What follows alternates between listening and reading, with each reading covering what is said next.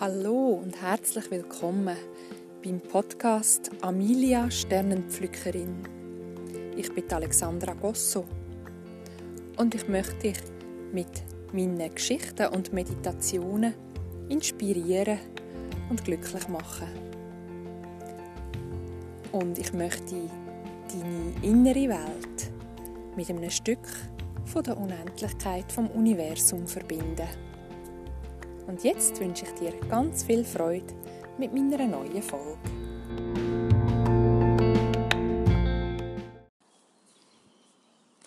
Heute möchte ich mit euch über das Thema Vertrauen reden. Und als erstes setze ich euch allen mal eine goldene Krone auf. Auf euren Kopf, zoberst auf eurem Haupt, sitzt eine leuchtend, strahlend goldige Krone.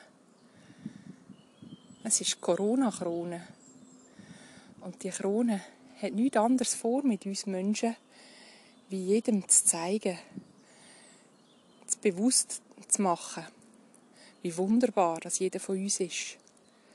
Aber nur, wenn er sich auch bewusst mit sich selber befasst und beschäftigt. Und die Chance, die wir jetzt überkommen, unsere Krone zu tragen mit Stolz, und mit dem Vertrauen, dass wir schon den richtigen Weg gehen, wenn wir es zulassen, dann ist Corona ein riesiges Geschenk für uns alle. Und wenn wir auch die Corona, wo unter anderem auch unser Strahlenkranz ist, oder der Strahlenkranz von der Sonne, oder der Strahlenkranz von jedem und allem, was ist, dann ist das unsere Aura, unser Leuchtkörper, wo um uns herum ist. Und auch der wird uns Corona wieder bewusst machen, ins Bewusstsein rufen, dass wir, abgesehen von unserem Körper, noch viel mehr sind. Nämlich Bewusstsein, unendliches Bewusstsein und nämlich auch ähm, eine Kraft und eine, eine Energie in uns und um uns herum tragen, die unendlich ist und wo wir auch bis nach dem Tod mit uns mittragen. Und darum, Corona ist ein Geschenk an jeden von uns. Und erstaunlicherweise hat Corona das ja auch erreicht, so gut wie jeder Mensch auf dieser Welt zu erreichen. Und ja, schließ jetzt deine Augen und nimm bewusst wahr die Krone, die du gerade auf dem Kopf hast. Oder stell dir sie einfach mal vor. Du hast eine goldige Krone oben drauf. Vielleicht ist sie schwer. Vielleicht fühlt sie sich leicht an. Versuch dir mal das vorzustellen. Oben auf dem Kopf.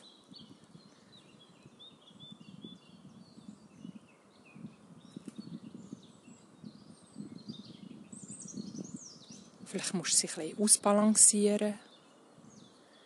Vielleicht bleibt sie aber auch wie von selber auf dir oben stehen. Und nimm jetzt ein paar tiefe Atemzüge durch den ganzen Körper durch. Und verbinde dich mit deinem Körper.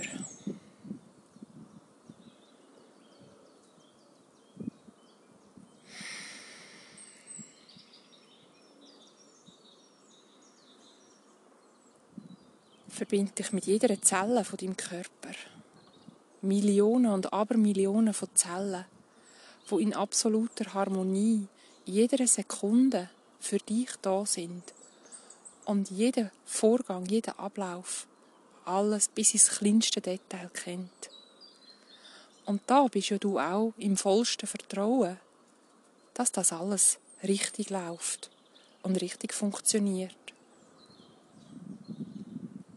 Und wenn wir krank sind oder Schmerzen haben oder uns nicht wohlfühlen, ist das immer ein Zeichen, dass gerade etwas nicht zu 100% in mir ist, in uns innen.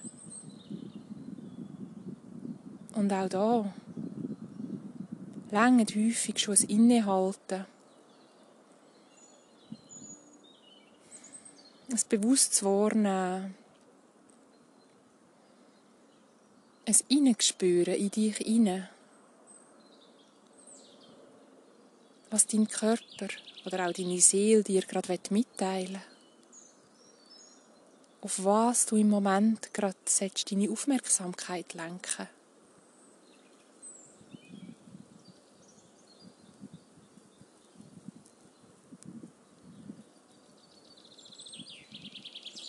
Und wenn du da auch in deinem tiefen Vertrauen bist,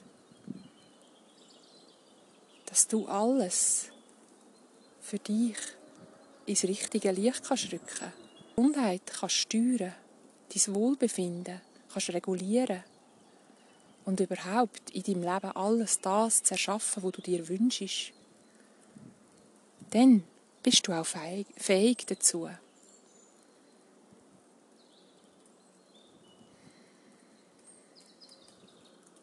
Und jetzt, wo du jede Zelle in deinem Körper spürst vibrieren,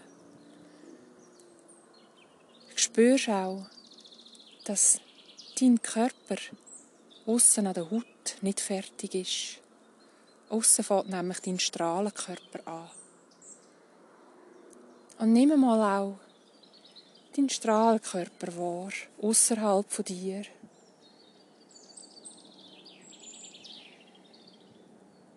Auch da, das Feld um dich herum ist magisch. Beschützt dich und leitet dich.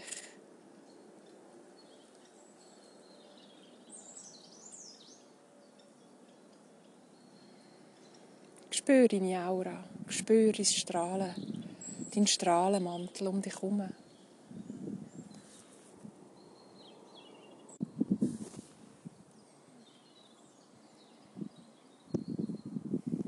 Und spür, wie du auch mit deinem Aussen verbunden bist, mit deinem Umfeld. Und ich finde immer, in der Natur ist das am schönsten zum Spüren. Ich sitze jetzt hier gerade auf einem Baumstamm im Wald. Vielleicht hörst der Wind pfeifen, die Vögel pfeifen, Blättchen, die sprießen, der Wald, der aus dem Winterschlaf schon längstens am Erwachen ist. Und da spüre ich so richtig, wie ich lebe, wie ich verbunden bin mit allem, auch mit der Natur wo auch alles in einem so einem perfekten Zusammenspiel funktioniert.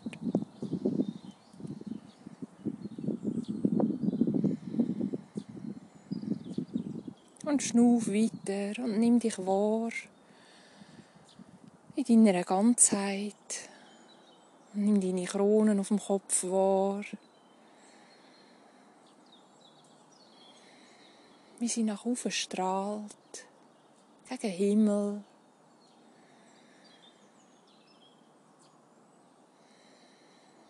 Und du da gegen das Universum rauf kannst Energie und Kraft tanken und dir holen, was du brauchst. Sonnenlicht, Sternenglanz, Mondschein, Tageslicht, den Nachthimmel anschauen, Natur anschauen. Die Verbindung ist immer da, wenn sie du zulässt und wenn sie du, wenn sie du achtsam wahrnimmst. Und deine Krone wirkt jetzt wie so ein Magnet, wo die kosmische Energie, die du für dich gerade brauchst, in dich hineinzieht. Mit ihren schönen Zacken, mit dem goldigen Glanz. Machst du so einen riesen Unterschied. Bist du so stark und kraftvoll.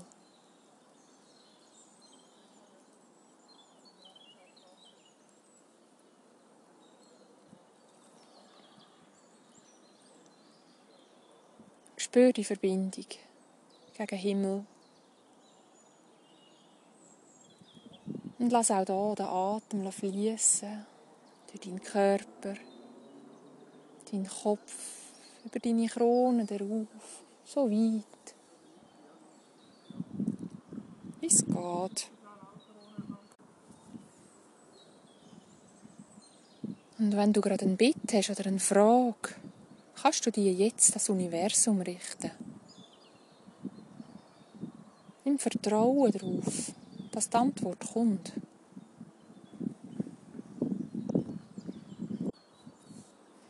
Oder auch im Vertrauen darauf, dass die Antwort schon in dir innen ist.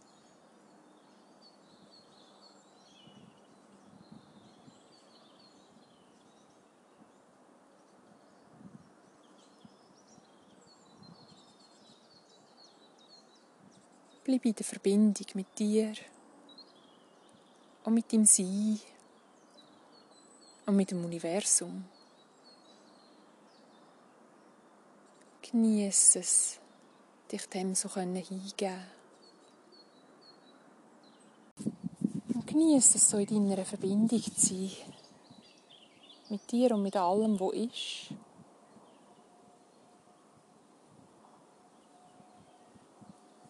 Und lass die Energie von oben so richtig in dich hineinströmen und fließen und dich erfüllen mit allem, was du brauchst. Kraft, Energie, Vertrauen,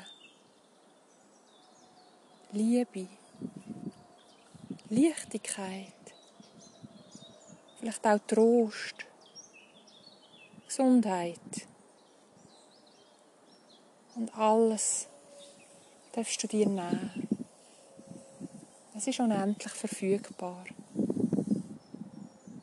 Und du darfst, du darfst dir erlauben.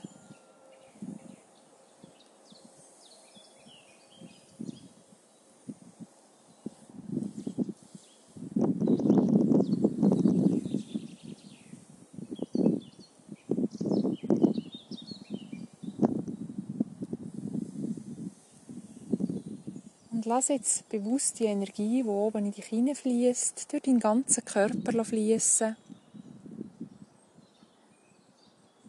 Und lass auch da wieder jede Zelle mit dieser Energie und mit dem Licht und dieser Liebe füllen lassen, tanken lassen.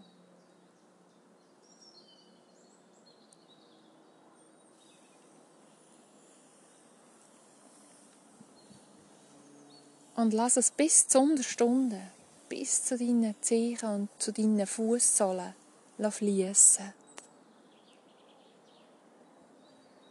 Und bring jetzt deinen Fokus ganz bewusst auf deine Füße und auf deine Fußsohlen. Und stell dir vor, wie du ganz stabil verbunden bist mit der Mutter Erde. Und stell dir vor, wie Wurzeln zu deinen Füßen auswachsen und sich in die Erde hineingraben. Und dir so die Stabilität geben und schenken, die du gerade brauchst.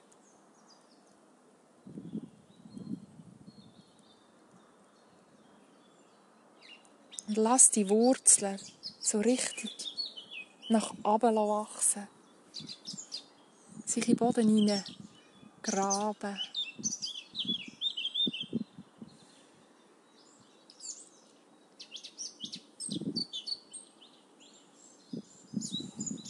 Und spür die Stabilität jetzt plötzlich. Auch wenn oben ein Sturm wütet im Aussen um dich herum. Du bist stabil verwurzelt.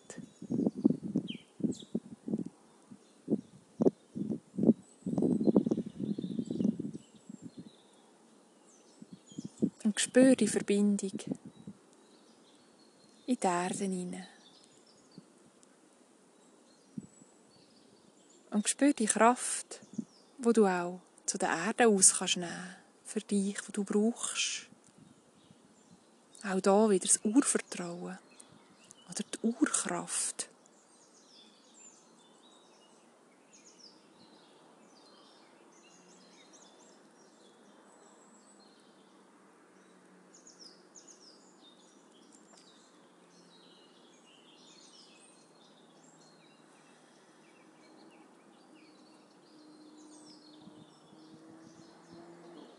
Und vertief jetzt langsam deinen Atem wieder und nimm bewusst Ein- und Ausschnaufen wahr.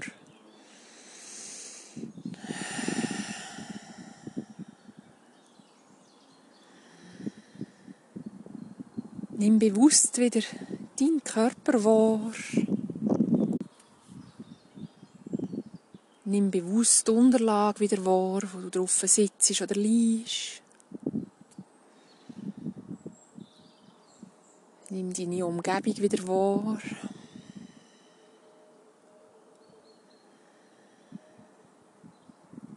Und nimm aber auch wahr, wie du jetzt gewachsen bist. In alle Himmelsrichtungen strahlst. Und volltankt bist mit all dem, was du brauchst.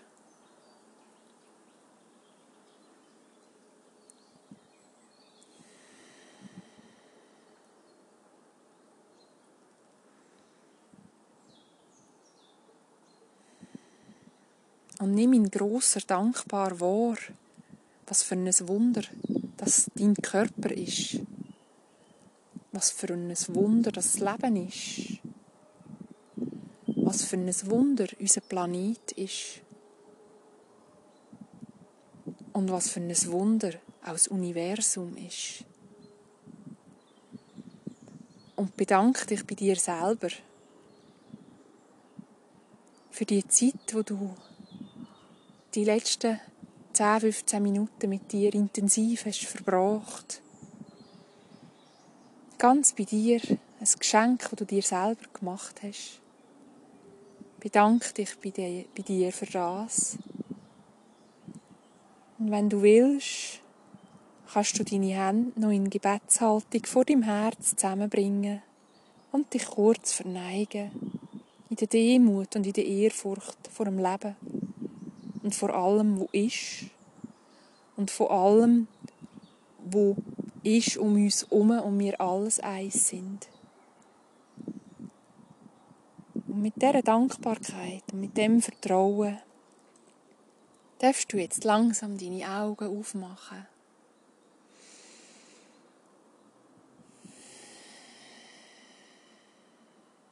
Und ich bedanke mich ganz herzlich bei dir fürs Zuhören und wünsche dir noch ganz einen wunderschönen Tag. Und was ich auch noch so schön und speziell finde an dieser Corona-Zeit ist, dass durch das, dass wir uns so zurücknehmen aus der Gesellschaft und uns so auf Distanz müssen halten dass wir durch das uns erlauben, uns selber wieder einmal ein bisschen mehr Raum zu geben um uns herum. Weil vielfach verschließen wir uns gegen das Aussen. Weil wir uns wie schützen vor diesen vielen Einflüssen, die im Aussen sind, vor diesen vielen Menschen, die gerade herum sind, vor, vor diesen vielen äh, Eindrücken, die man äh, so im hektischen Alltag immer wahrnimmt, tut man so sich wie zurücknehmen und es ist, man kann das messen, dass die Aura in, in geschlossenen Räumen und in Räumen, wo Haufen elektromagnetische Felder sind, Haufen Handystrahlen, Haufen Geräte sind, dass die Aura dort vielleicht noch 10, 20 cm um uns herum ist. Und wenn wir in der Natur sind und frei sind und nicht im Stress sind, kann die Aura über einen Meter groß um uns herum wirken und sein. Und vielleicht ist das jetzt auch gerade so eine Möglichkeit, einmal vor allem uns und unsere Aura zu spüren. Durch das, dass so viel Raum verfügbar ist. Gerade im Moment.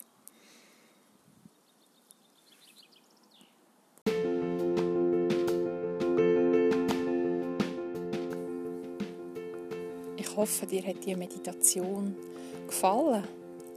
Und du hast dich können so richtig auftanken und bist jetzt im vollsten Vertrauen und gestärkt und voller Energie. Das wünsche ich mir für dich.